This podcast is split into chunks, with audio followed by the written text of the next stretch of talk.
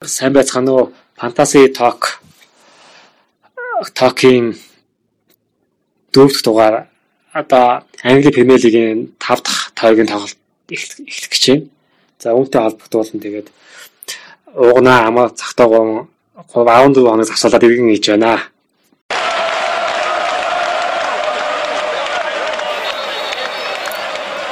Английн Премьер Лиг болон Фантази Премьер Лигийн тоглолт тактик солилцоо 8 анализ.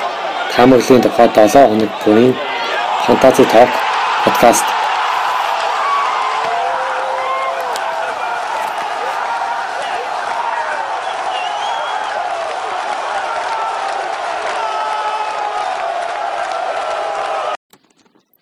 За Ромагийн багийн хувьд одоо 5 5 дугаар тойрогт одоо хэрхэн авах гэж байна ямар одоо 8 хийв алах чараа хэнийг тавих гэж байна. За хүлээлт юу байна? Шинээр ах сонгуульн дээр ах сонгуулагчаар Стерлингийг авсан. Яагаад ийм өндөр үнэтэйг бас бэхээр Төрүчийн тарихт нөгөө 8 хийгээд Робертсныг зарсан. Тэгээд дөрүүлээд Ван Холдыг авсан байгаа. Арай хямдхан. За тэгээд юу байсан сая яг дөрөвдүгээр тойрог дээр дахиад нэг зарах ирэх гарсан дээр болохоор нэг Погбаг зараад тэгээд нөгөө дөрөвчийн тойргийн үлдэгдэл мөнгөө нэмж аваад яг Стерлингийг авсан. Одоо тэгээд нэг 0.3 болцсон байгаа. Асаангалтан дээр Погбаг сайн тоглохолоо гэсэн чи харин тэдэлэн сайн тоглож ирэхгүй болсон. Яг нэг тоглолтын дээр гангараа тэгээд байхгүй болсон. Саяас юмчих шиг болсон. Тэгээд одоо ер нь бол 2 3 тойрогтой барах ашиглаж чадахгүй байна гэж бодоод Стерлингийг авцсан. Тэр нь Яванда энэ заахаа их ч гэсэн салих бодолтой байгаа. Одоо яг төвийн ахс дээр болохоор заахаа Сифелус, Ламела, Стерлинг гэсэн дөрвөн гараа байгаа. Тэгээ сэлгэнд бол Андрэг өмш байгаа. За дутлаан дээр Жими Варди за Пукиг авсан. Преминий авсны гурвал хамгаалтан дээр Александр Арнолд, Эке, Ван Холд гараад хаалгач дээр болохоор Диша Патрисо хоёроос Патрисо гараанд гаргацсан байгаа. Патрисогийн хувьд бол арай илүү формтой байгаад багш байгаа. Дээрэс нь нөгөө баг нь яг нэг тийм супер хамгаалалттай ч юм уу тийм биш болохоор алин довтлогоо хэрж дээрэс нь өөрөө маш сайн формтой болохоор сейв сайн хийж л сая дөрөвдүгээр төргийн тоглолтын чинь 3 сейв хийсэн байсан иймэрхүү л гараа бэлдсэн байна. Тэгээ багийнхаа ахлагчаар одоо Первиныг тавьсан байна. Ливерпул талбайдаа тоглох болохоор барыг хангалттай хочин дээрээс нь тэгээд Первиний бол тэр тоглолтын дээр бол нэлээд гол өрг хүсдэг авах гэж үзэж байгаа. Уул нь Стерлингийг сонгоё гэсэн бодол байгаа ч гэсэн ялчгүй Первинийг сонгосон зөв гэж бодоод өөрийнхөө үзлэр тэгээд одоохондоо Кафтанаар тавьсан байна. За бас миний хувьд солилцоо нэмаа хийгээгүй байгаа. Тэгээд яг зарчгаач хүн олцсонгүй тэгээд одоос эрт байгаа юм шиг санагтаад ер нь хадгалаад аа тэгээд солилцооны эрхүүдээ хадгалж агаад 2 3 тойргийн дараа ч юм уу сквал автох тойргийн үеэр ч юм уу ингээд нэг солилцоо фонд чичи гэж бодоод Тэгээд бас одоо тоглож байгаа тоглолтын яг форм олцсон гэж харахгүй байгаа даа л да. Миний хувьд хөлөр дөнгөж эхэлж байгаа учраас эхний тийм нэг давалгаа л явж байгаа бах. Аа тэгээд чинь 38 тойрог тоглолно нийт. Аа тэгээд тэрний нэг 10 тойрогоос хойш ер нь форм олж гинэ гэж харж болохоор юм шиг санагдаад байгаа. За тэгээд энэ 7 хоногийн хувьд бол яг гараанд бол арай Пепенско хоёрын Пепенскийг тавьсан. Ягаад вэ гэхээр Вест Хэм Астон Виллатай тоглож байгаа. А Бред нь болохоор Бөөрнлитэй тоглож байгаа. Тэгээ Бөөрнлиг Бөөрнлиг эсрэг ирээний клиншит хийчихнэ гэж бас харахгүй л байна. А Астон Вилла доос гарч ирсэн баг. Вест Хэм бас хамгаалт гайгүй учраас клин шит хийх магадaltaй миний хоёр хаалгачд Пепенскийн болов гэж таамагласан. За тэгээд хамгаалагчдаар Акаг суулгасан Эвертон эсрэг тоглоно. Эвертон ч одоо Премьер лигийн хамгийн өндөр баг баг байгаа. Тэгээд хамгаалагчд нь тийм харахад одоо Кинч гэдэм үү. Тэгээд Еремина энэ гэдэг их өндөр тэгээ хоёр давхуртыг сайн тоглодог учраас Акаг ер нь хоёр давхурт дээрлэгээ тоглосон гэж бодохгүй учраас суулгачлаа. Тэгээд гарааны дүр амлчаар Дин Робертсон, Ван Холт, Тенстрам тэрийг тавиад аа тэгээд энэ энэ 7 хоногт болохоор 1 4 5 1 гэсэн хэлбэрээр тоглоно гэж бодоод урдаа нэг тоглогчтой нэг тоглогч нь Пуки байгаа. А нөгөө тоглогч маань бол Кин Грэмүүд хоёр байгаа. Тэгээд Кин Кинийг бас Эвертонээс голдч нэг бас харахгүй л байна. Голд Льюисэн л голдч магадгүй Кинг нэг голдчихгүй байх. Аа тэгээ Эвертон ч хамгаалцаатай пикборд ч клинш дээр тэргүүлж байгаа учраас Кингс болоод Фуки магадгүй нэг азны ч юм уу нэг гол хийж мэдгэл юм Сити их товтлох байх. Аа тэгээд Норс Сити Ливерпулоор Премьер лигийн баг нийлэн нийлэн нэгний тойрогтор тоглосон баг. Тэгээд 3-1-ээр Норвич хожигдсон хожигдсон мөртлөө маш сайн тоглосон. Ливерпулийн хэсэг адилхан тоглож тоглосон. Тэгэхээр ойролцоо арга барилтай дан тоглож тоглох Сити хэсэг бас тоглоод нэг ч юм уу гол хийж мэдэх бах. А тэрийг пүк хийж магадгүй гэсэн пүк гаргачлаа. А хагас хамгаалтын тавд болохоор Сала, Стерлинг, Сигурдсон, Мис Маунт, тэг Кентвил байгаа. А Маунт бол Английн шигшээтэй сайн нөхсөг тоглолтуудад тоглолцсон байгаа. Тэгээ Watford Watford-ийн сэр тоглоно. А Wolverhampton нэрс тоглоно. Андуурч чинь Германы багт андуурч ш. За тэгээд Ливерпул бол Ньюкаслын эсрэг тоглоно. А энэ бол гол хвтэй. Тэгээд Ньюкасл Ньюкаслыг ер нь хамгаалаад очиж байгаа уу. Баг Премьер хамгийн муу муу баг Ньюкасл байх гэдэг шиг сүүлийн 5 төрөг харахаар а Сити Норвич Сититэй тоглож байна. За энэ тоглолтод бол Стерлинг бас гол тохиоллоо Английн шигшээдээ голтой, гол ассисттэй байсан. Сүүлд Английн шгшээ Косовотой тоглоод 5-1-ээр хожлоо да. Кин 2 гол хийгээд Стерлинг 1 гол 1 гол ассист өгсөн шиг байна. За тэгэхээр Стерлинг бас форм сайтай гэж харж гарах гээд байна. Тэгээд баян алсаараа бодож бодож аваад Стерлингийг тавьсан. Аа тоглолт эхлэхээс өмнө бас сайн бодож байгаа тэгээ сольчиж бас магадгүй. Саала Стерлинг хоёрыг ер нь бол дээд ахлагч ахлагч өрөө тавьчихад байгаа.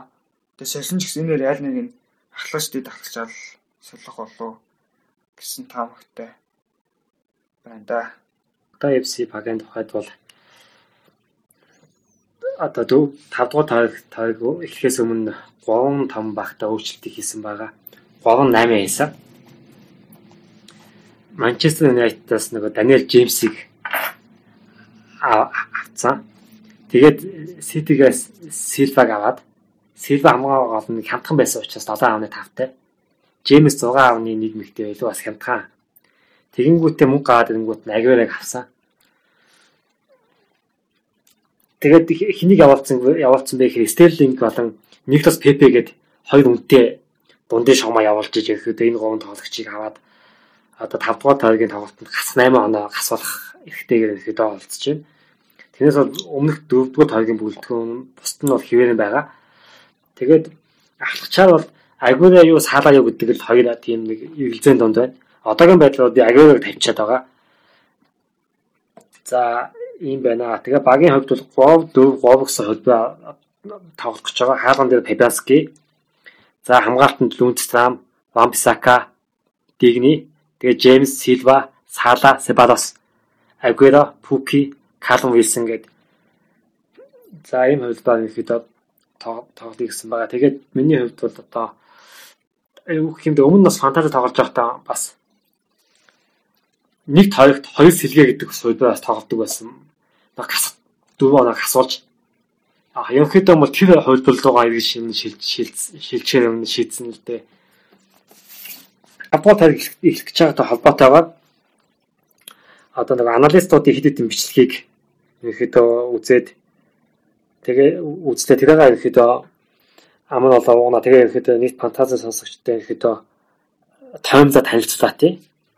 Өнөөдөр болохоор Джеймс Алкот, Рамбо, Сужан Шах гэдэг ерөнхийдөө нэг англи Премьер лигийн фантази лиг эксперт 3 ерөнхийдөө нөгөө яажлагыг үзсэн нэг 30 30 минутын. За тэд нар юу яаж ийнэ гэсэн чинь ерөнхийдөө фантази Премьер лигийн дүүм гэж байдаг гэхэд 3 дүүмийн ерөнхийдөө дүүмийг ерөнхийдөө их онцолж байна. Энэ дүүмээр бол ерөнхийдөө одоо нөгөө хамгийн их сонгогдсон тоглогчд гэдэг нэг жагсаалт гаргасан чинь гаргахаа гаргангууд Ливерпул болон Сити төр бол нөгөө фантази тоглолдог бүх хүмүүс итгэж байна л гэсэн нэг тийм дүгнэлт гаргаж хийж байна л да. Тэгэхээр бол ер нь бол Ливерпул Ситигээс хүн аваад гэсэн юм их шууд. Энэ фантази одоо 19-с 20 оны фантазигийн ерөөхдөө гол дөрөв болцсон байна бичгтэйгүү. Тэгээ тэгэнгүүт мэдээж нөгөө Ван Дежекийг 51% сонгосон байна гэж байна. 6 сая гаруй фантази тоглогч тий. Тэгээ Ван Бисака, Дигни, Келли, Арнолт Ситигээс тэгээ Де Брюн, Сала, Стерлинг, Пуки, Агуэра. Ерөөхдөө ингээд Ливерпул Сити гийн дандаа ингээ голцсон. За тэгэнгүүт болохоор хоёр дахь фантази лигийн дөрөв нь юу вэ гэхтээ маш хурдан одоо нөгөө тоглогчдын одоо байдлыг ажиглаад сэлгээ мэлгээ одоо юм боломжууд ашиглах юм бол хурдан ашиглаа. Гэхгүй бол болдгоо гэсэн юмыг хэлж байна. А говдугат нь болохоор бас фантази дээр их нөгөө нэг аюулгүй байдлаа одоо тийм нэг хангаж тоглох гэх юм уу дандаа тийм нөгөө олон сэлгээгээд гас хоноо авахаар авахаар бас тоглоод байж болохгүй шүү. Тэрийг бас бодлого хийж тоглоно шүү гэдэг юмыг бас хэлж ял да. Өгж нэг азаа сойд байж болохгүй шүү гэсэн юм. Гэсэн энэ энэ гомонд өнийг л ерөөхдөө дамплаарыг зөвлөгөө өгч гомон экспертийн зүгээс бол тэгээд ерөөхдөө бас одоо хамгийн өндөр оноо авчаад байгаа тоглогчдыг бас харуулсан. Хэрвээ энэ хамгийн өндөр оноо авчаад байгаа тоглогчдоо баг үлдүүлэх юм бол гээд Тэд 328 оноо ихэд авсан юм байна. Хаалган дээр Патришо уунагийн багт байгаа тий. Тэгээд нөгөө ан анхалт Вестгard гэж Саутгемптны хамгаалагч ихэд доож хийж байгаа юм байна шинээд. Тэгээд Эвертны дигний тэгээд Дэ Бүрнэ тэгээ Мане Стерлинг Сала Абрахам Пуки Агуэра гэсэн энэ хэд бол эхний 5 4 тойргийн дараах байдлаар одоо хамгийн өндөр оноог авчаад байгаа тоглогчтой хувийн зүгээс ярил гэсэн имийг хавуулж байна. Тэгэнгүүтээ ихэд бас нөгөө статистик өгөл зүг байдгүй шүү гэсэн бас нэлээ нөгөө тоглолтын статистик маш их анализ хийж ярилцчихлээ. Тэгээд энэ удаагийн ихэд капитан бүрнийг тавих уу, стерлингийг тавих уу, агуурыг тавих уу гэдэг гурвын аль нэгийг сонгосон баг зөвдөө гэсэн юм одоо энэ нөгөө энэ гурван аналистийн нэг нь хэлсэн. Нөгөө аналист нь болохоор ихэд баг Sony капитанаар тавьчих гэсэн сонь сонголт юм яасан л да. Сон хэмээн тийм тоотой хэмээ Кристал Палас ирэхэд Спурсын дээр ээж тоглох юм байна. За та нөтөчөөр юу байлаа? Тэгээ ирэхэд нөгөө Борнмутын харин весний ирэхэд шинэ презид байж магадгүй шүү гэсэн тийм нэг асуултыг тавиад үлдээчихлээ нээлттэйгээр. За тэгээд энэ удаагийн онцлог тоглолтыг болохоор юу гэмтэ фантази тоглогчтой хувьд бол Сити Нович хоёр бол яг ерөнхийдөө бол нөгөө тэгтээ Сити даваа даваатай тоглох нь бол ойлгомжтой тоглолт. А харин Астон Вест Хэмийн талбайд Астон Вилла тоглох тоглолт бол маш сонирхолтой тоглолт болно. Фантазичдын хувьд бол энэ дээр л оноо моноо ч юм уу сэлгээ хийж гой тоглох юм бол тийм гой гой боломжууд байгаа шүү гэд Вест Хэмийн Ланзиныг их онцолж байна л доо. 6 авны 5-тай байгаа. Тэгээ 18 оноо авцсан байгаа гэдгийг онцолж илээ. Ланзини тэгээ бас Вест Хэмийн нэг шинэ довтлогчийг Тэнгүүд Астон Вилла гэж хувьд бас хин гэдэг Весли гэдэг бас нэг довтлогч нь 6-тай бас байгаа. Эвертон сая 2 тэгэр хажих бас чухал гүйцэтгсэн Тэгээ ерөнхийдөө нөгөө Нодингийн чемпионшип лигд Норвичийн дараа авах үзүүлэлтийг үзүүлсэн мэт Артем Вилагийн хувьд нөгөө хаалгуу загсан цогт голын боломж үүсгэсэн нэрээ. Тэр утгаараа бол ерөнхийдөө Вест Хэмтэй бол нэлээд ширүүн гоё тоглолт үзүүлнэ, нээлттэй тоглолт үзүүлнэ гэж тийм нэг зөвлөгөө өгч байна. Тэгээд фантази Премьер лигийн одоо дөрөв ихтэй дөрөв тоглоом байдлаар одоо нөгөө хамгийн одоо баг одоо нөгөө тоглогчийг сонгосон баг болохоор ерөнхийдөө баг толгойж таарч байгаа юм байна хамгийн форм муутай баг баг болчихж байгаа юм байна л да фантази тоглогчдын хувьд бол нэг тэрийг нэг хэлж илаа. За өөр чинь юу хэлсэн бэ нөхдүүд? Аа тийм. Фантази Премьер лигийн авах одоо нэг Адам Леви гэдэг хүний бас нэг ярилцсан дээр болохоор Адам Леви болохоор ихэд юм бол 5 дугаар тойрог дээр бол ихэд нөгөө free hit chip гэдэг юм юм ашиглах зүгээр шүү гэж бас санал болгож байна. Тэр нь юу вэ гэхээр нөгөө тоологч ингээ тоологч 8 хийхдээ нөгөө хязгааргүй 8 хийж болно. Тэгээ нөгөө нэг тойргийн тоглолтын дараагаар тэр тоглогчдоо буцаад хэвэндээ очино. Тэгээд оноо хасахдахгүйгээд тэрийг хэрэглүүлэх боломжийн тойрог бас илж байгаа шүү гэж бас хэлж илээ. За өөчин аа тийм нөгөө Премьер лигийн зүгээс гаргасан одоо нөгөө PDA гэдэг тийм статистик байт юм байна л да. Нөгөө тоглолтын одоо нөгөө хүнд хөнгөний одоо ранк гэдэг. Энэ ранкаас ажиллах юм бол ерөөдөө Арсеналаас Абумаингийг авах юм бол одоо Арсеналын одоо нөгөө энэ дараагийн тоглох учраанууд нь ерөөдөө жоо хөнгөн болж байгаа учраас Абу ерөөдөө одоо голдох тэр юм руугаа иж байна. Абу том багууд голдох тэр нэг дунд болон тэр нэг жоохон ингээд дундаас доош гэж ангилгаж байгаа багуудад бол ерөөдөө олон гол их магадaltaй учраас Абугаас авч болно шүү гэсэн бас юмыг хэлж илээ. Тэгээ бас Фирминог их онцлоод байлээ л дээ. Ерөөдөө бол бас их сайн байгаа гэд. За нэг ийм их хөө. Тэгээд юу нас нөгөө энэ тавигт одоо нөгөө нэг юм уу хоёр сэлгээ хийх хүмүүст бас санал болгож байгаа тоглогч нарын хувьд бол Астон Виллагийн Весли тэгээ Астон Виллагийн Жон Макчин гэдэг бас энэ хамгаалагчийг бас хэлж байгаа юм байна л да. Энийг болохоор ерөөхдөө бол Астон Виллагийн дараагийн учраанууд бол таван учраа ерөөхдөө гайгүй. Энэ таван учраанаас бол Макчин ер нь хоёр гол авалчих болов гэж байгаа юм байна. Нөхдүүдийг хэлж байгаа бол скаутууд тэр нөгөө аналистуудыг хэлж байгаа. Тэр ерөөхдөө бол одоо нөгөө Лестерийн Медисон ерөөхдөө форма гэж олж байна. Бас нөгөө үнэлгээний 7 аавны нэгтэй байгаа. Тэгээд нөгөө өнгөрсөн 18-аас 19 оны үлрэлт 34 аавны 34 аавны 3 минутанд нэг зохилт ингэж нөгөө хаалгаа зогчилсон бол одоо эхний дөрөв тойргийн дараах байдал 27.4 минутанд нэг удаа хаалгаа зогсож байгаа. Энэ үзүүлэлт нь сайжилсан. Ингээд энэ утгаараа бол ер нь бас ор тарах бодод бас ерөөхдөө бас гол хийж магадгүй гэдэг байгаа юм байна. За тэгээд Силва бас нэг тоглолтод бас авч болно шүү гэж байна. Яагаад вэ гэхээр ерөөхдөө нөгөө өнгөрсөн 18-аас 19 оны үлрэлт 25 тоглолтод эхний 25 тоглолтод 4 ассист аваач гэсэн юм байна л да. Тэгсэн чинь одоогийн байдлаар болохоор ихний дөрвөн тоглолтод дөрвөн ассист өгчөөд байгаа өгчөөд ассист өгөөд энэ удаагийн нөгөө Премьер лиг удирдлагаа маш гайхах гайхамшигтайгаар хэлж байгаа учраас бас нэг нэг удаа бас нэг хямдхан сэлгээгээд бас энэ Силваг хаж болно шүү л гэж байна. Тэгээ Ливерпул Робертсныг энэ удаа бас онцлцсан байна л да. Ягаад вэ гэхээр хамгийн олон удаа нөгөө хүмүүс ихээ зарсан тоглогч тэгсэн мөртлөө эргээд бас энэ тавигт бас маш их худалдаж авч байгаа. Тэгээд хамгийн гол нь нөгөө өөрийнхөө талбай дээр энэ лод үтсэн амнат хоёрч шилдэг форма үзүүлдэг учраас багт гол хийж ассист үзүүлэх болоод гэж бас тийм бас хилээд байгаа юм байна. За өөр чин Банлиг Ашли Бансыг ерөөхдөө нөгөө Баяртай Альбаны эсвэл баг л гол гол голын цовлоор үргэлжлүүлэх болоод гэж гэж хэлээд байна. хэлж байгаа юм байна. Тэгээд Баяртай Альбаны бас нийл Мопай тийм Мопай гэдэг давтлагчийг бас бас Банлиг эсрэг ер нь голд магадaltaй шүү гэсэн юмыг скаутуудын зүгээс ихэдээ санал болгоод байгаа юм байлээ. За тэгээд миний зүгээс нөгөө юуны хувьд нөгөө дэлхийн одоо нөгөө фантази премьер лиг тоглогчдыг тэргүүлж байгаа тоглогчийн ихэд нөгөө эхний дөрвөн тавгийн тэр нөгөө нөгөө багийн нөгөө дөрвөн тавгт одоо баг баг тоглож байгаа тоглогчдын хэрхэн өөрчлөгдсөн бэ гэдэг нөгөө ерхий ингээд зурглуудыг нь ажилласан байхгүй. Энэ болохоор Stacon Trend гэдэг баг Тэгээ ерөөхдөө Брэдбери гэдэг нэртэй хүн байлээ, англи хүн байлээ. Тэгээ нийт 358 оноо оноо авцсан. Ихтэй дөрөв тойргийн даах байдлаар одоо дэлхийн фантази Англи Премьер лигийн фантази тоглогчдыг тэргүүлж байгаа. За ихний тойрогт 102 оноо авсан юм байна. Тэгээ мэдээж нэг хаалгач бол Явис, тэгээд Арнольд Ван Бисака, Ил Мохмади, Натан Аке, Маршал, Сала, Стерлинг, Оиги, Абумаинг, Кинг гэж аваад тэгээ Баатта сэлгээд ил нинэ Жоржино Келли гэж авсан байна. Тэгээд хамгийн сонирхолтой нь юу вэ гэхээр нөгөө хоёрдугаар тойрогт нөгөө вайлд картаа ашигласан байгаа байхгүй юу? Тэгэнгүүтээ хоёрдугаар тойрогт 74 оноо авсан байгаа. Тэгэнгүүтээ бүр багаа бүр эхний энэ тойрогт байсан баг нь бүр тийчхэн өөрчлөгдсөн. Тэгэнгүүтээ хаалгаж байгаа хитинг аваад сэргээний хаалгаж байгаа ранг авсан байгаа. Хоёр хаалгаж байгаа хоёулын салцсан. Тэгэнгүүтээ хамгаалагчаар нөгөө Ситигийн Лапортыг аваад Шеффилд Юнайтед Лунстрамыг аваад тэгээд Банкиг аваад эн чинь нөгөө PH-ийг яах штэ тий. Тэгээд Арсеналаас Манилалыг аваад Ситигээс Одригог аваад аваад Салаг аваад Стерлингийг аваад Пукиг аваад Ваадыг аваад Кингийг авангууд ил нэнэ Аанавт Машд гээд авцсан байгаа. Тэнгүүтээ Пукиг капитанцсан байгаа. Маш мэдрэмжтэй ч юм уу да.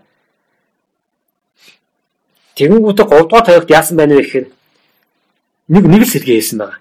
Одоо энэ сэргээгээ хийгээгүй. Нэг сэргээ ханыг сольцсон байв да. За яж хаат тигээс хаат. Хант төлөв гэсэн. Кант байлыг авцсан байгаа. Бос тоглогчсон хэвээрээ. Тэнгүүтээ капитанаас хаалаг 50 88 он аваад тэнгүүтээ дөрөвдүгээр тавигт одоо юу хийсэн бэ гэсэн чинь болохоор фри хийчтэй ашигласан байгаа. Нөгөө хичнээн тоглогчийг одоо нөгөө сольж болно. Гэхдээ нөгөө нөгөө солилоо гэдэг нөгөө оноо хасахгүй гэсэн ихээ. Тэгэнгүүтээ пик кодыг хаалган дээр аваад Арнолтыг аваад Арнолт байгаа дигнийг аваад байхгүй байсан. Келиг аваад Минксийг авсан аваад хамгаалтаас 3 хүний шинээр солиод Тэнгүүд бүрнээ одоо 3 дугаар тоогт байхгүй байсан чи бүрнийг аваад Маунтыг аваад байхгүй байсан тий. Стерлингийг хэвээрээ тэгэнгүүтээ Пукега эргэж а Пуке байгаа.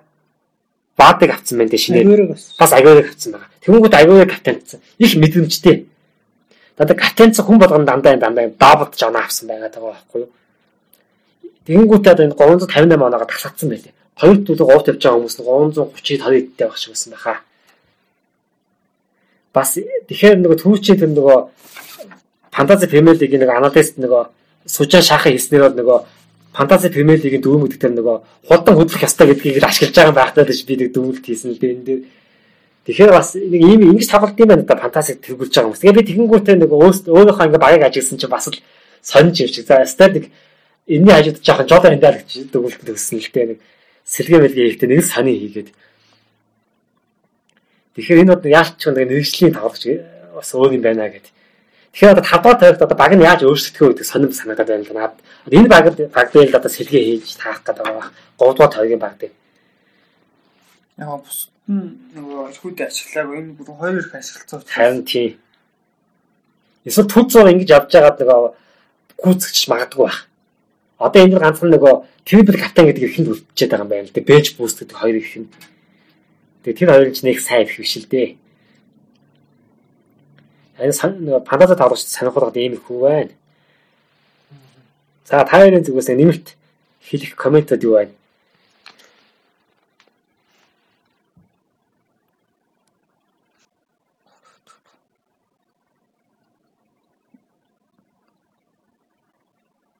Авч болох одоо нэг хамгийн шилдэг 11 тоглож байгаа даа шүү дээ 328 он эдрийг авсан болоо. Тэгээ 11 тоглож чинь 5 тоглож чинь одоо миний гарааны 5 тоглож байх. Тэгэхээр бас болж юм л доо. Энд дээр Вицер гард ч юм уу Абрахам тэгээд бас сонгоход хэцүү байсан. Нэрнэд Фукиг бол сүлд хүчээр авчиж байгаа шүү дээ. Тий. Тэгэхээр яг Ван хол Дин Патрисио Стерлинг Сала Агур өнтер бол бүр автоматар авагддаг. Тэгэхээр яг 6-аас 7 сонголт нь за 5-аас 6 сонголт нь автоматар авах шууд авагдана. Тэгээ үлдсэн тэгээд 6 5-аас 6 сонголт нь дээр л ирнэ хүмүүсийн оноо тийш ташил гүйж байгаа юм байна л да. Тийм тэгээд нэг гатана нэг мэдээж тавих юм болчиход байгаа шиг байгаа. Тэгээд хамгийн пов сатад байгаа тоглогч ихэд бүрний оож таагаад байна л да. Нэг гол 5 ассист. А энэ дундаас яг харах юм бол тэгээд дундын шомон тоглож байгаа. Тэгсэн мэт яг бүтэн 90 минут тоглохгүй байгаа даа шүү дээ. Ер нь бол 70 эд минут 80 эд минут тоглолаа үүгээ үсгчтэй хичээл пепиг нь суулгачаад хаагадаад байгаа. Чи сүүлд дийлэх чинь ханахтай тоглоход нэг төр ажиллаа. Тэр тоглолтын дээр Дебройн нэг гол, нэг ассист өгсөн. 3-1 авсан тоглолт. Аа. Тэгээ баяр халагчтай байгаадсан. Азар бүртэлтэй гээд.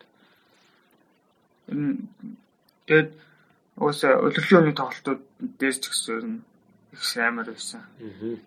Форм сайтай өнгөрүүлж байгаа. Энэ формат хадгалсан бол тий орог нэг хоёр том цом урчих юм бол тэгээд болон дараа авах хэмжээнд дэрх талах л та. Тэгээд яг агиона 6 гол айдаа ч гэсэн аналистууд ингэсэн одоо нөгөө сэргээний давтлагч нь одоо идэгч байгаа. Тэгээд Пепийн зүгээс Агуэрогоос илүү сэргээний давтлагч аа. Тэг Жесус илүү минут олгоно гэдгийг ихэд нэг зарлцсан байгаа учраас Агуэрогийн минут багаснаа. Тийм учраас нөгөө Спурсийн Хари Кен эсвэл Арсеналын абуг авах нь юм утга хугацаанд ихэд зөв сонголт болно. Агуэрог бодох юм бол хямдхан гэж л юм хямдхан тэг түүнээс гадна талбайд их минутыг өнгөнө гэдэг бас юм бас яриад хэлээ л дээ. Тэгээд тэгээд нэг агуу 8 яцснаас хиттэй хойно тэр нэг анализыг сонсоод за за одоо буцаагаад төвдөө гэдэг одоо ингээд гүрэхээ шийдсэн л дээ. Яг агуура яг одоогийн энэ байгаа формоор бол бас тийм ямар суучихгүй байх л та. Тэгээд гарч ирсэн ч бол уусаа одоо пенальт авдаг ихэд агуура цахин нэгдгийг өөрөө бол тэгэл тэмцээ дээр нэлэрхийлдэг байгаа шүү дээ. Тэгэхээр бол өөрхийн хэмжээнд оноогоо хангалттай авчлах гэж чинь харин нөгөө үнтэй болохоор бусад сонголтууд дээр жоохон төвөг болох та. Харин тий. За Иесус итэл өстэй л 9 сар тавтай л. Тэгэл тий. Уул нь Лахацтыг нэлээд сайн эзгэх гэсэн чинь Арсенал яг Лахацтыг найдвартай гараа байлгах чадахгүй байгаа юм л да. А бүх гаргаад Лахац чинь ихэнхдээ сэлгийн зорж ирээд байгаа байхгүй. Тэрээс одоо жишээ нь дараагийн 5 дугаар тойрог дээр бол Watford-ийн эсрэг баг ер нь Watford ч одоо хамгийн муу зүйлтэй байгаа гэдэг байна шүү. Арсенал бол энэ дэр нэлээд сайн үрдөнтэй тоглох магадлал өндөр байгаа байхгүй. Тэгэхээр харин тий. Нөгөө гарааны эрхтэй довтлогч нь оноо ахууламжтай юм. Тэрс баг дахиад гараад гарчих юм бол би хангалттай нэг хоёр гол хийж авах гэж үзэл. Аа. Тэгээд бас ич аваад 3 тойргийн дараа тэгээд зарсан би халбасыг авцсан халбасаа зааж чадаагүй үнэн одоо нөгөө хоёр дэх гурван гурван центр унтсан байгаа юм. А дараагийн тавигтал одоо халбасыг далд авуулна гэдэг заалцсан байх. Тэгэхээр аргийн найдвартай яг довтлогч ихээс илүү тэгэхээр хаг самгаалтын шугамаа зузаатгач бол арга ер нь арга илүү үрдөнтэй биш. Хаг самгаалтан дээр чинь нөгөө яг гол хүмүүс байгаад байгаа шүү дээ. Стерлинг, Салах, Мани Дебройн тэр гэдэг бид нар чи хагас дээр байгаад байгаа. Гэсэн мэт яг тэр багийн үнцэн гараад болохоор эдгээр чи довтлогчоор гарч тоглоод байгаа шүү дээ. Тий. Шинхэн. Тэр яг жижиг багийн бүр тэг супер довтлогч биш бол бусдын болоор тэгээд довтлогчоор авчаа бусдын бол энэ топ багийн хагасууд илүү нэлээ оноо энэ авчрах юм шиг байна. Тий. Тэгээ яг нөгөө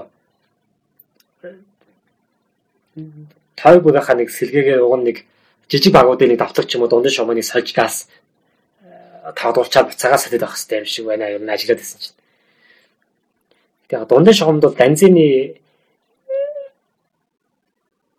Даниэл Джеймс сон говийг л онцлоод байлээ.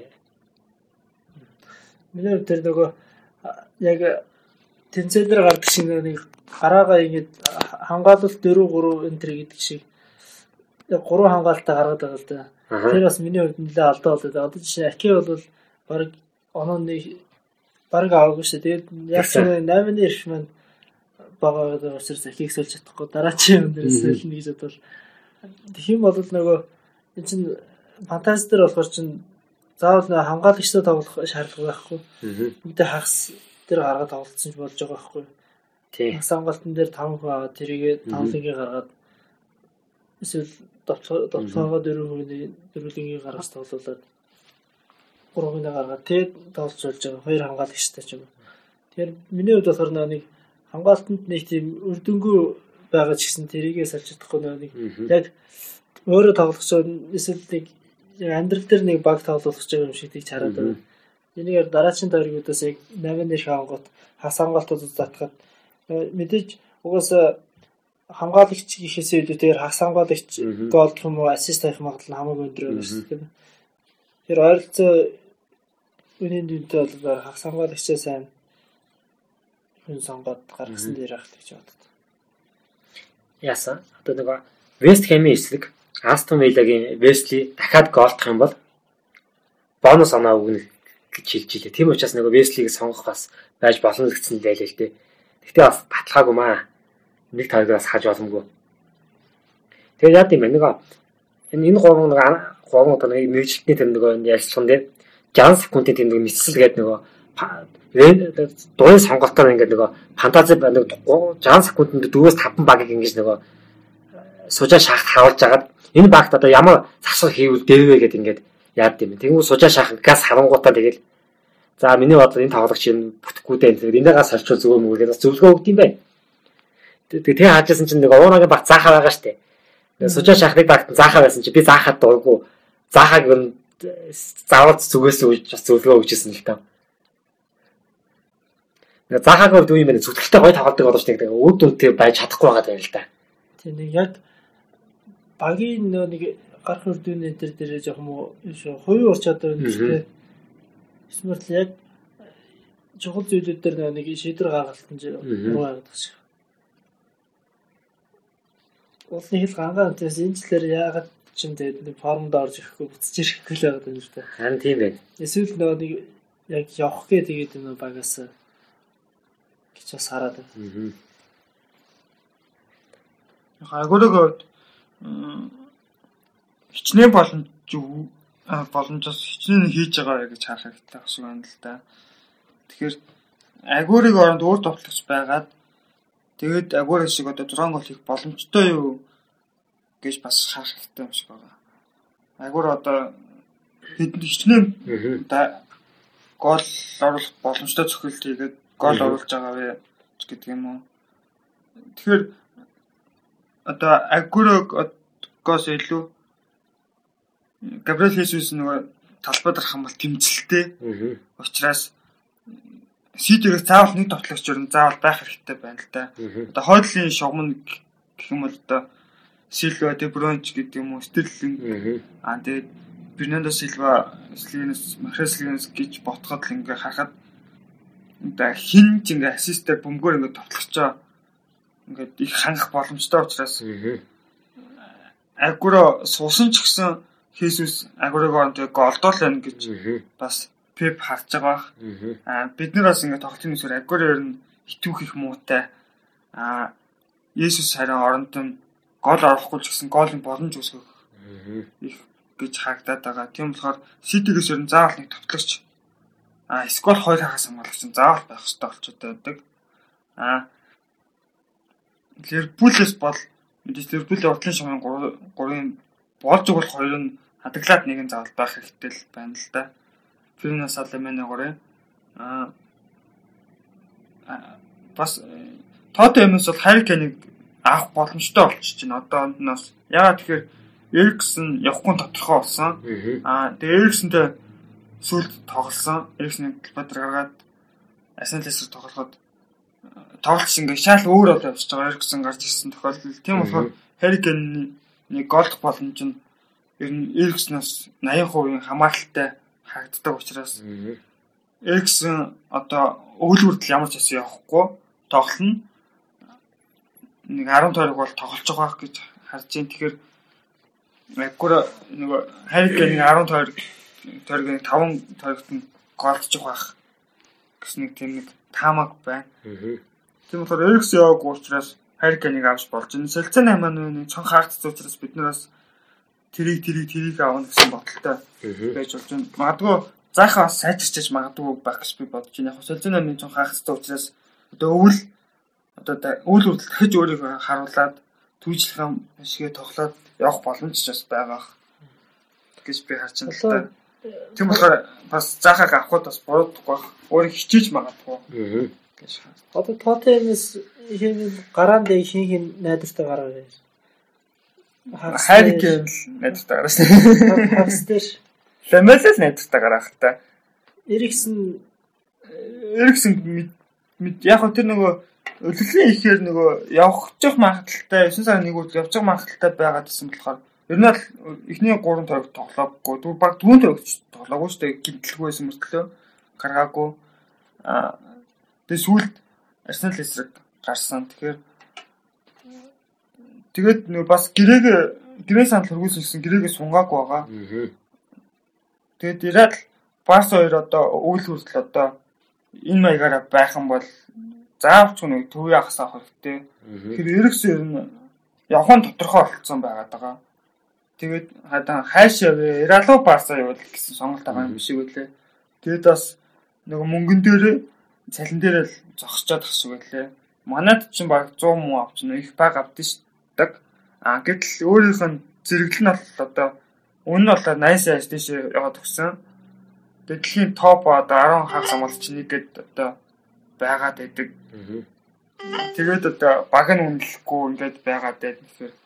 А манайгийн хувьд одоо гарааны хагасууд яг найдвартай гараа их юм бол ламел бол яг найдвартай битэх хүртэл найдвартай гараа байна. А Эриксэн одоо гарахаас замгүй Эриксэнгүй болчихор нэг яг найруулж цэвэр найруулж байхгүй. Тоглолтын тим бих сүнэн бөмбөг барьдаг хүн байхгүй болчиход байгаа юм л да. Тэр нөгөө бужигнадаг Лукас бужигнана, Ламелан бужигнана. Тэгээ Дели Али чинь бас нэг бужигнсан тоглолттой. Тэгээ бужигнаанд нь бас нэг азар гол орно. Тэгээ орохгүй бол тэгээд орохгүй ч гэдэг юм уу. А Хайркен болохоор бас өөрөө боломж үүсэхгүй боломжийг үүсгүүлж Тэгээ тэрийг чихэж оруулаад тоглож учраас бас гол их муутай байгаа гэдгийг хардаг юм уу. Тэгэхээр а удахгүй Лососо гэдэг одоо Аргентин залуу хоёр нь байнга ангаараа болчих боллоо гэж би хараад байна. Почер нь Аргентин тоглогч нар хоёр нь гранд илүү болох ашиглах боллоо. Ер нь хийж байгаа 8 минут нарахаар ер нь их хэмжлэн Аргентин тоглогч нараа авчдаг. Учираас Тэгээ энэ жил хамгаалалт маань ер нь гайгүй. Тэгэхээр энэ жил тийм нэг олон гол болж бужигнуулахгүй байх л гэж байна. Яг сон манайгаас одоо хамгийн өндөр ур чадвартай тоглогч учраас ганцаардлсан тоглолтоос гол оруулаад иж мэднэ л гэсэн байртай. Түр жилийн юугаар л соныг ер нь Гэтэ соныг би авахыг нэг санал болохгүй дээ. Соны орнд баг Бернандо Силванч дээр иж магадгүй байна. Тоотой хэмээ хувьд юу бас юу юм? Одоо нөгөө даачин говн тойрогч Кристал Палас, Саутгемптон, Брайтон Альбион гээд ер нь бол гайгүй тойрог учраас хаалгачийн хувьд бол Лоресыг бас хаалгаж байгаа сонгуул бас клин шит хийх магадaltaй шүү гэж бас зөвлөж байгаа. Тэгэхээр нөхөдөө бол Кристалт өстө тоглолт дээ шүү. Хойтлаас бас хамгаалтаас хүн авах зүгээр юм шиг. Сон бата харыг гэж байж болох юм шиг байгаад байгаа. Гэтэ тэгээд Сон бас яг найдвартай гараа бас байхгүй байгаа даа шүү дээ.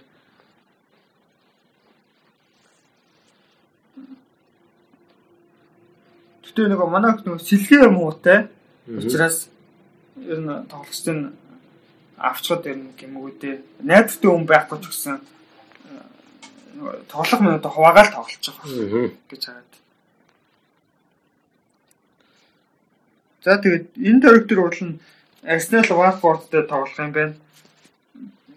Тэгэхээр Arsenal-аас нэг тоглогчийг авчвал Watford эсрэг авчвал их атайхан юм шиг. Аа надад бол Arsenal-аас нэг хагас дээр Себадос л. Лахацти тэр чинь 3 дугаар тойрог дуусаад зарцсан. Зараад зөрөө мөгөлдсөн мөнгөн дээр нэмж яагаад Лахац нөгөө Робертсон хоёрыг зараад Тэгээд нэг Пукиг аваад нэг нь болохоор хийнэ авсан байхгүй. Стерлинго. Тэ Стерлингийн сүйд авч байгаа. Пуки аваад нөгөөх нь болохоор Ваа авчиж байгаа. Тэгэхээр яг хоёр чи хоёлаа хямдхан бол байгаа. Тэгээд дөрөв мөнгө нь чи дөрөв үлдсэн. 4.1 үлдсэн. Тэгээд 4.1-ээс сая дөрөвдүгээр таарыг дуусаад Погбаг зараад Тэгээд нэмээд яг 12 асуулсан л да тэгэнгүүт нь Стерлингийг авцсан. Салаг авах уу, Стерлингийг авах уу гэж нэлээд эргэлсэн. Тэгээд ус Ливерпулээс Премьер болохоор Ситигээс аалны хүн байх шаардлагатай гэж үзээд ер нь бол авцаа. Юмыг яаж байл нэг багийн тэнцэх юм уу? Юм болоод нөгөө багийнх нь нэг хоёрын нэг нь бол нэг хоёулаа нэг таарихт бол тэнцэн хожигд нэгж байхгүй бол да. Нэг юм дээр нэг нь хожих юм бол нөгөөх нь оноогоо тойргийн хоног бол асахгүй яваад байх магадaltaй гэж харагдав.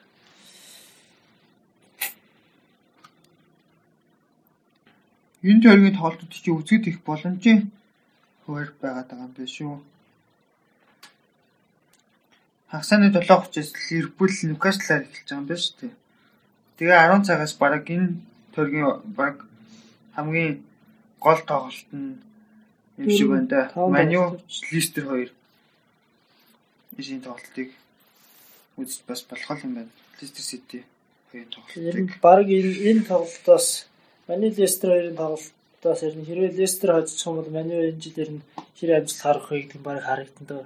Одоо дөрөв тойрог байгаа тав дахь тойрог. Дээрээс нь тэгээ яг нэг аваар одоогийн форм бол яг ойролцоо яваад байгаа. Аа. Тэгэхээр яг Маний үнэхээр сайн сайжирч чадах уу, эрг ирж чадах уугүй юу гэдэг баг эндээс харагдчих болов уу гэж хараад. Яг топ топ дөрөв рүү орж чадах уугүй юу? Манюгийн тоглогчдыг нөгөө хөөсөрлөөгүй юу гэдгээс харах боломжтой юм шиг байна. Daniel James-ийг бас хөөсчөд байна уу? Үнэхээр сайн байгаад байна үүдэн бас харах боломжтой. Уэлсийн шиг шогтой дуудагдаад тоглолцсон байлээ. Гэхдээ тэр тоглолтод бас нэг овооч оцоосон тоглолт үзүүлж үзүүлээгүй. Тэгэхээр энэ зарлаг бас энэ тоглолтоос хааж болохоор юм байна. Листер тэр нэг яхир хамгаалтын донд яаж тоглох нь вэ гэдэг. Аа. Тэгээд шууд 12:30-аас Norwich City, Manchester City гэдээ бас гоё хоёулаа нээлттэй тоглолттой хоёр баг. Тэгэхээр энэ гурван тоглолтыг дараалал үзчих болох юм байна. Потенциалд бас 9 9 цагаас Bournemouth, Everton тэгээ 11:30-аас Watford, Arsenal гээд хатаахан тоглолтыг бас үзчих болох юм байна. За энэ нөгөө Ливерпул, Сити тэгээд Арсенал энэ гураас бусд нь бол бараг яг ойролцоо формтойгоо баг тоглож байгаа юм шүү дээ. Энэ хоёр дээр. Тэр нь бол аль нь ч хожих магадaltaй. Яг би бол Арсеналыг айлын талууд дээр ч гэсэн Watford-ын яг одоогийн байгааг үзэлтэй хараад хожчих болоо гэж хараад байна л да. Гэтэ яс яаж магадгүй. City бол дэж угаасаа хангалттай хожно л гэж тоглох. Тэгээ Norwich харин ямар тоглолт гарах юм байгаа. Тэр нөгөө Ливерпултэй тоглосон чигээ тоглолт гаргаад хэрвээ гол алдаад илэрхүүлчихвэл бол ер нь бас нэлээд сайн үзэх.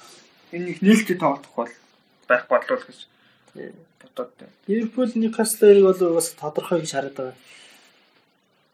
Арай одоо нөгөө статистик тэр өдрийн одногүйгээ тажчихгүй болол Аа нөгөө Энфилдэд одоо нөгөө ямар ч баг гэсэн хүнд байдаг гэдэг л та. Тэгэхээр ер нь баг талбай дээр л талбай гэдэг чинь аяар хожуулчаад байгаа л да Ливерпулийг юусэн шууд. сүүлийн хэдэн тоглолт илүү арга хождог байгаа. Тий. 10 хэдэн тоглолтчлаа хождог байгаа гэсэн. Энэ Ливерпулийн фанатуудын тэр сэтгэл зүй гэдэг чинь их амар л та. Тэгээ одоо нөгөө 10-д лиг төр үлдсэн дээрээс нь Премьер лиг төрүүлэх хэмжээний өрсөлдөө үзүүлж байгаа. Нэг баг төрөөсөн салгаагүй зүйл Тэр 8 оноо тий. Тэгээ тэгэхээр чинь нөгөө яг одоогийн байгаа сэтгэл зүй бүр тулцсан байгаа л да юм байна. Ямар ч багтаа хоёрын дэлхий ямар ч багтаа тулсан хожид хэлсэн сэтгэл зүйтэй байгаа да. Хэрвээ яг энэ Премьер лигийн жижиг тойрог тойрог дээр энэ жижиг баг дээр эсрэг чи өөрөөсөө жоохон формутай баг эсрэг хожигдох юм бол Ливерпул ер нь нэлээ эвгүй үнэлтэнд орж иж магадгүй гинт. Яа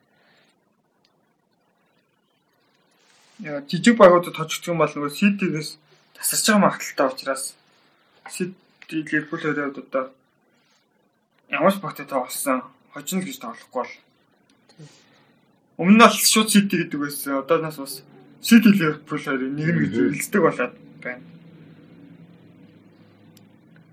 Тэгээ Сити бас энэ жил их орон гараанд байгаа хамгаалттай үдих.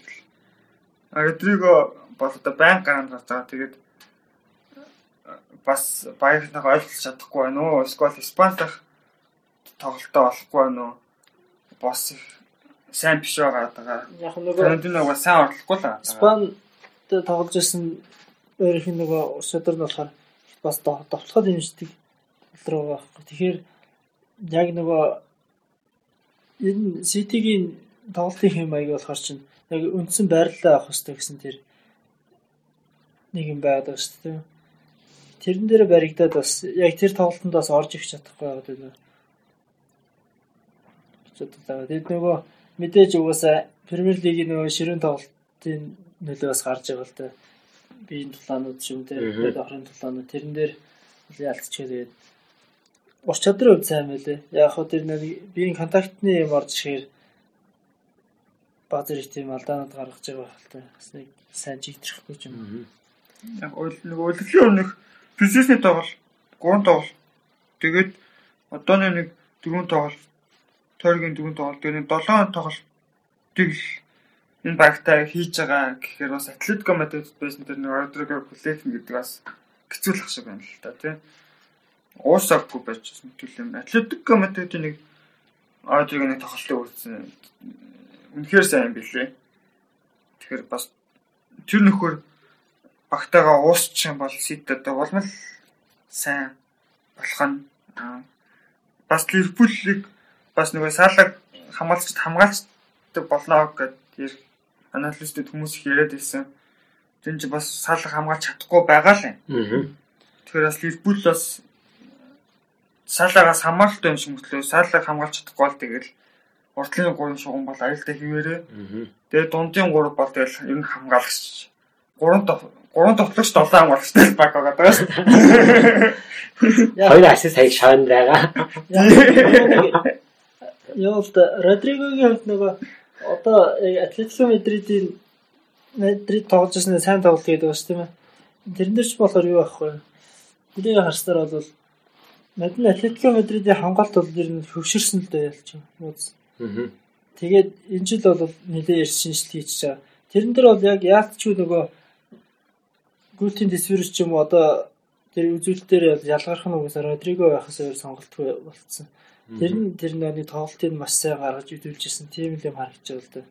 Одоо нөгөө хажууд байгаа хэд нь бол бүгд яг адилхан хэмжээний топ төвшөнд байсан болвол Родриго тэгж амар ялгарч харагдахгүй байсан байх л та. Гэтэ яг хоо Пеп чинь нөгөө одоо манад ирсэн Индобеле гэдэг нөхөр Багасланаас ирсэн Францад сая бэртцсэн.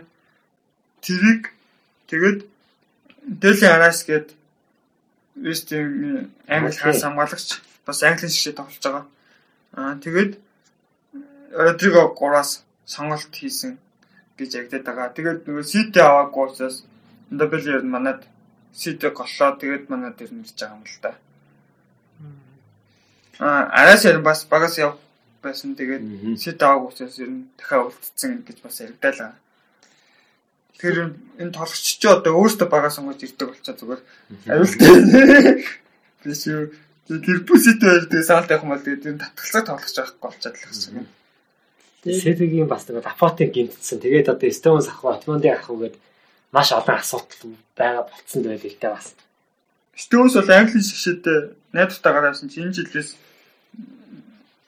Эвертны Кин гараад байгаа. Аха. Кин Магуайр хоёр хослоод тэгэхээр Stones бас нэг жоохон орон гардчих гад байгаа болохоос ш уур чадвар өнтертэй пассатай хамгаалагч. Отменди бас орон гараа. Отменди чинь баг ер нь баг уул явах уугүй юу? 100 баг явах уугүй юу байгаад байсан. Сити ингээ хамгаалалттай үед айгу их орон гараа. Жинжинго жим бас ер нь дэвшлүүлчихэд байгаа шүү дээ. Ер нь бол миний хувьд бол тэр Ситигийн хамгаалтын бүрэлдэхүүнийг би угаасаа анхнаасаа тийм сайн гэж харддаг байхгүй юусэн. Тэр хүмүүс яг тэр нөө нэг тухайн багийн тоглолтын хэм маяг гэдэг байх. Тэр дасгалжуулагчийн тоглолтыг тэгж удирдах байгаа ур чадвар л гэж хараад. Тэр яг тэр хамгаалтанд байгаа тоглолт тоглогчдыг бол би угаасаа тийм амар сайн хамгаалагч гэж юус харахгүй байна.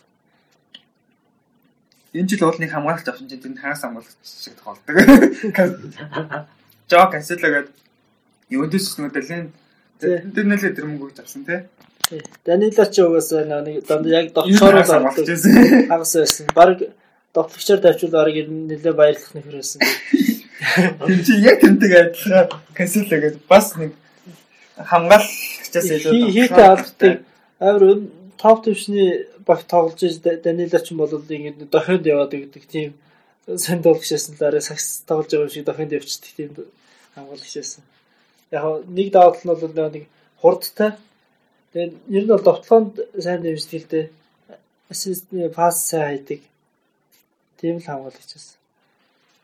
Тийм. Би Ювентус очингуудаа Сквалдод авсан байлээ. Тэгэхээр яаль ч юм довтлох дуртай гэдэг нь харагдаад өршөө. Бензил ч нэг. Тий. Би бас CTS дээр Cancelo-гийн тоглолтыг хармаар л байна. Уг нь аль жигүүрт үнэхээр бижигнэлтэй нөхөр. Тэгээд яаж тоглох юм бол тоо City үүлнийг хамгаалагч авах болоо да. Премьер лигт яг ингээд нэг бөмбөг илүү эзэмшээд боломж олох гэх тоглолтоо болчих واخ. Агуулгад лигт энэ хамгаалтын бүрэлдэхүүнтэй бол тэгээл нэг газар очиод засгаал харагдаад байгаа. Харин явд лиг чи нөгөө нэг хоёр нэгээс хоёр тоглолтод асуудал шийдэгдчихдэг. Премьер лиг бол улирлын туш учраас нөгөө бөмбөг байж тоглоод ингээд болцоод байна л та. Нөгөө тоглолтыг өдөрдөж тоглоод тэгээд а тэгээд явд лигт одоо амжилт үзүүлэх байгаа шалтгаан зүгээс хамгаалалт муу асуудалгүй гол хийж байгаа. Тэгэл хамгаалтанд очигтой хичээд унцж байгаа шүү дээ. Энэ бол тэгээд манай тууч гэсэн шалтгаан чинь тэгэл ваар биш өөрсдөө нэг орон гар хамгаалалт байгаа шүү дээ. Тэгээд дээрэс нь нөө таатын юм чинь өөртөө бас хамгаалалттай байсан учраас гараад ирж байгаа. Нөгөө урд нь их юм бол хамгаалалтаа баг яага явдаг хэрэг нөгөө Атлетико Мадрид 2 пенальтсан шүү дээ. Тэрэн дээр бол Атлетико Мадрид тийм амар довтлож байгаа байхгүй юу? Яг нь довтлж байсан л дээ. Гэхдээ бол тийм амар онцгой байгаагүй хамгаалалт тэр хамгаалалт сайн байсан. Тэгээ хагас хамгаалалт нь ч гэсэн маш сайн байсан болохоор ялч шүү нөгөө багууд нь бол өчрөхгүй байгаад байсан л да. Нэг Ливерпул шиг байсан мэт. Урдаа нэг нэг саалаа гээд саалаас нэг гизмэн нэг гүд нэг хөртөө. Тэгээ нэг лимар гээд бас Караска гээд байсан. Тэгээ нөгөө Ливерпулийн хувьд одоо болохоор чинь урдаа 3 тэгээ хоёр тэгээ хагасудаас бараг илүү тэр нэг арын хоёр хамгаалагч бол арыг нэг нийт цогцох эрхийн тэр довтлооны эрхийн барыг тэр өөртөө гэдэг шиг юм. Яг таар бол үндсэн байрал дээр байна. Гэхдээ довтлоон дээр ороод ирэх юм бол 16 хаднаас бол цогцох эрх чинь байгаа гэдгийг тэрийг нээлттэй өгсөн шиг юм. Бараг нөгөө хэдээсээ сайн зөгчил л дээ угаасаа тэгээд тэрээр л угаасаа тэр өөртөө итгэлтэй л. Робертсон бол нэлээ их зогсон. Гэхдээ боломж өсгөх чадахгүй лээ. Энэ жил бол яндаг байгаа юм байсан. За чи өөр сайн Робертсон жишээ чадахгүй байна. Шотландын шгшаагийн ахлагч. За сая хаанхтай тоглолоо. Хожигдсан. Германд тоглолоо. Алекс Арнольд ч юм бол Англи баруун жигүүр бүр дархан баруун жигүүр болсон байлээ. Зүүн жигүүрт нь бол тэгээд чиглүүлгүй гэж байгаа. Тэгэхээр шгшаагийн баг гэр нь аль тоглогчдыг дуудаад байна уу тэнцэр тоглогчдын форм шууд харуулчихад байгаа юм л та. Хэдий нөгөө нөхөрсөг тэнцээ Европын үлэрч үлдчихсэн шатны тоглолтууд ч гэсэн хамгийн сайн форм тоглогчдод дуудчихж байгаа шүү дээ. Тий. Ер нь бол баг болох гэж дуудаж байгаа шүү дээ. Ингээд байнга тоглож солих байгаа учраас.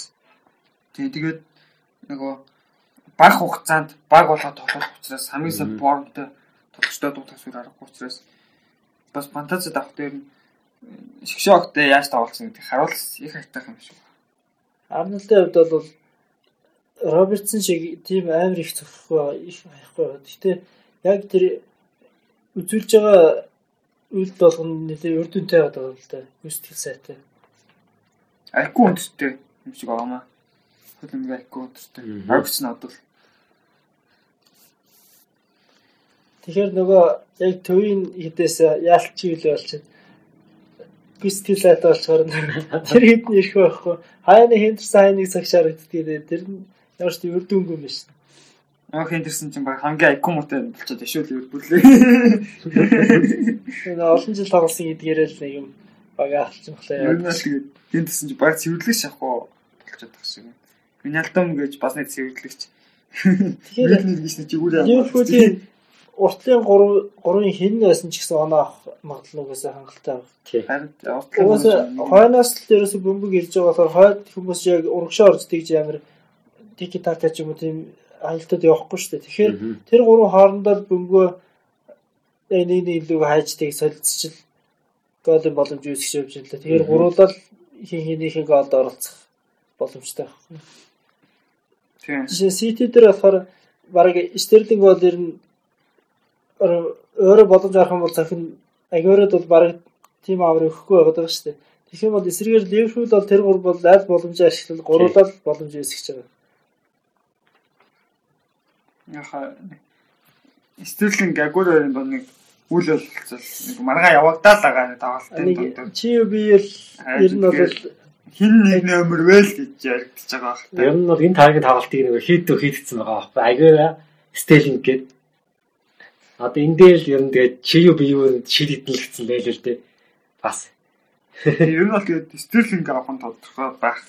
Гэтэ баг уг нь Манчестер Сити-ийн нэг номер ч уг нь тэгээд Брон дээ. Одоо энэ нэр одоо Модлол хэрэг байгаа ч юм уу. Нь нэг дэлхийн төлөөн ширчэд байгаа певч хүлэн ширч шууд баярлсан шууд шууд өгч байгаа. Аггүй тоглолт байгаа мэтлээ тэгээд бүрэн зүгэл явж байна гэдэг чинь тэгээд.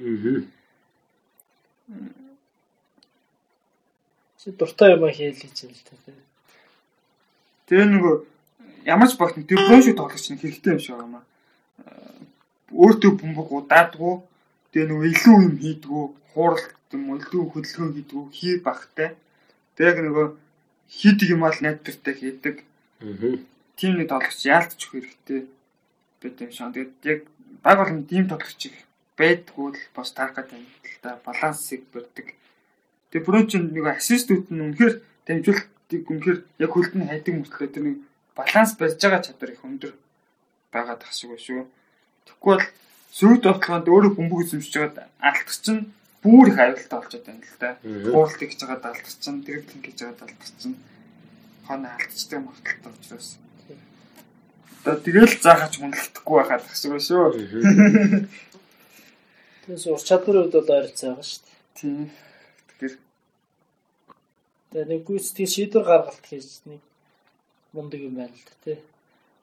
Тэрийг ялгах. Тоглолтыг байдаг тоглолтыг барьдаг тэр нэг бөмбөг барьдаг дундын шумыг одоо хэд нэг тэг бацдаг хүн ер нь ямар ч баг байх хэрэгтэй юм шиг. Тэгээд Монголын шгшот байхгүй болохоор тэгээд монголчууд тэгээд хожигдоод байх шиг байна. Манайх чи За за за юм сэтв хазаах гэдэг шүү. Заах 30 минут нөгөө огн хийгээл болъё гэж бодсон ч одоо бүр нэг цаг юм байцсан байна. Тэгээ одоо бүр ам халах шинжтэй болоо. Монгол шаг Монгол шаг байхгүй. За тэнийг нь яг тусдаа ярьчихэд ингээд энэ удаагийнхаа фантазиг энэ төвөд өндөрлөё. За. Баяртай. Төвөд өндөрлөё. За. Баяртай.